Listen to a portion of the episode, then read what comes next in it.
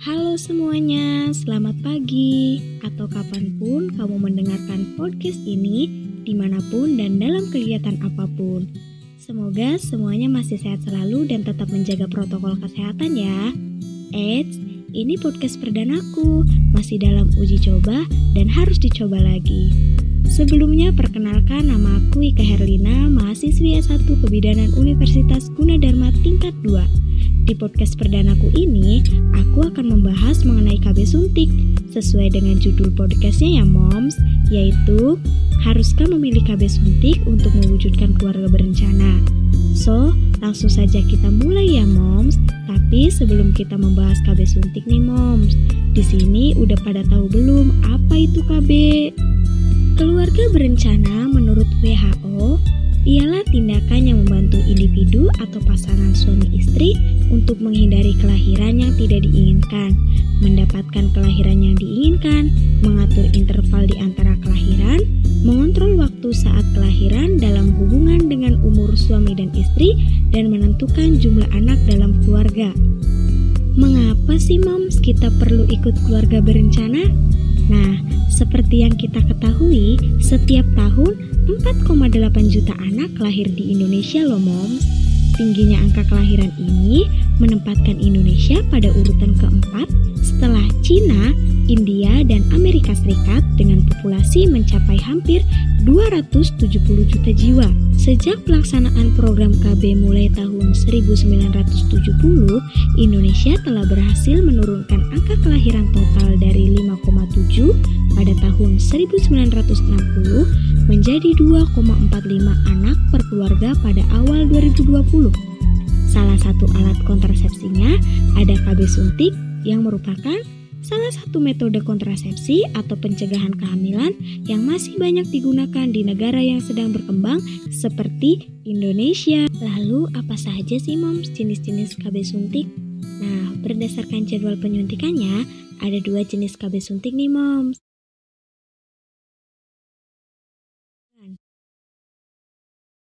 Suntik yang mengandung hormon progesteron. Nah, KB suntik ini bekerja secara efektif mencegah kehamilan dalam waktu 13 minggu. Oleh karena itu, KB suntik ini diberikan setiap 3 bulan atau 12 minggu sekali nih moms. Nah, yang kedua ada KB suntik 1 bulan.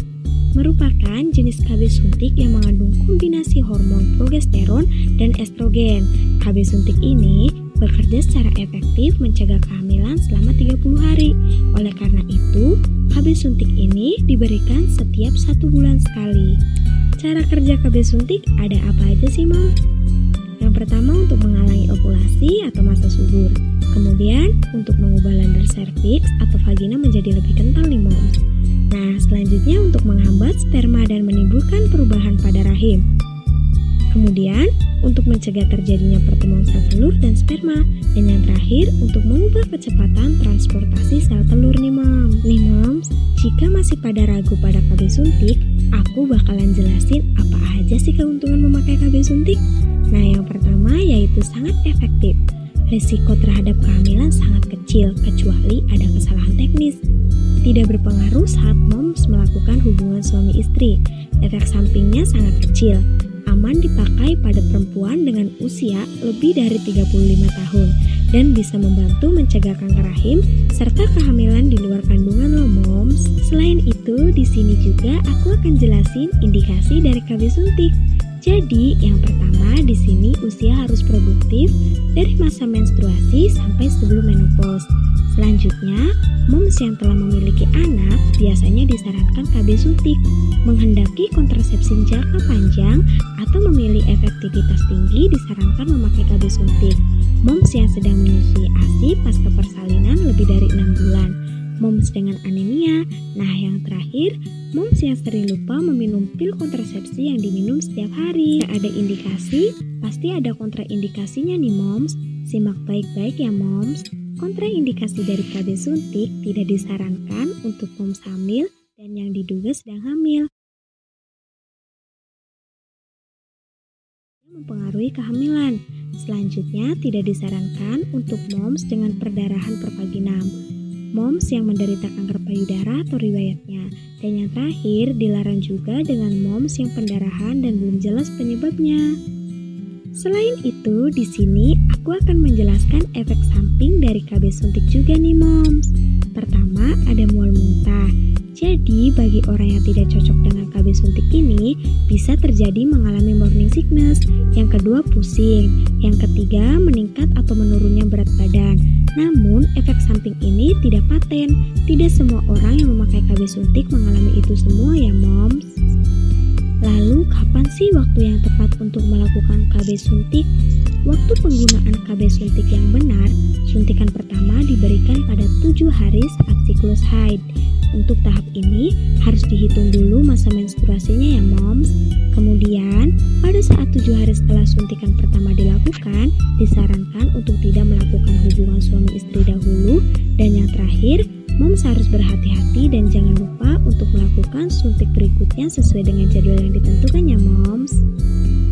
Nah, itu dia penjelasan mengenai KB suntik.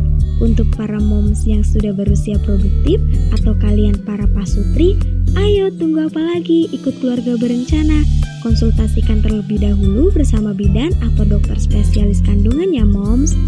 Banyak jalan menuju Roma, demikian pula banyak pilihan dalam merencanakan alat kontrasepsi, salah satunya KB suntik. Ayo sukseskan pembangunan dan tingkatkan kesejahteraan keluarga. Ingat, dua anak cukup. Semoga podcast ini bermanfaat untuk kalian semua yang mendengarnya ya. Sampai jumpa di episode selanjutnya. Stay tune, sampai jumpa. Bye.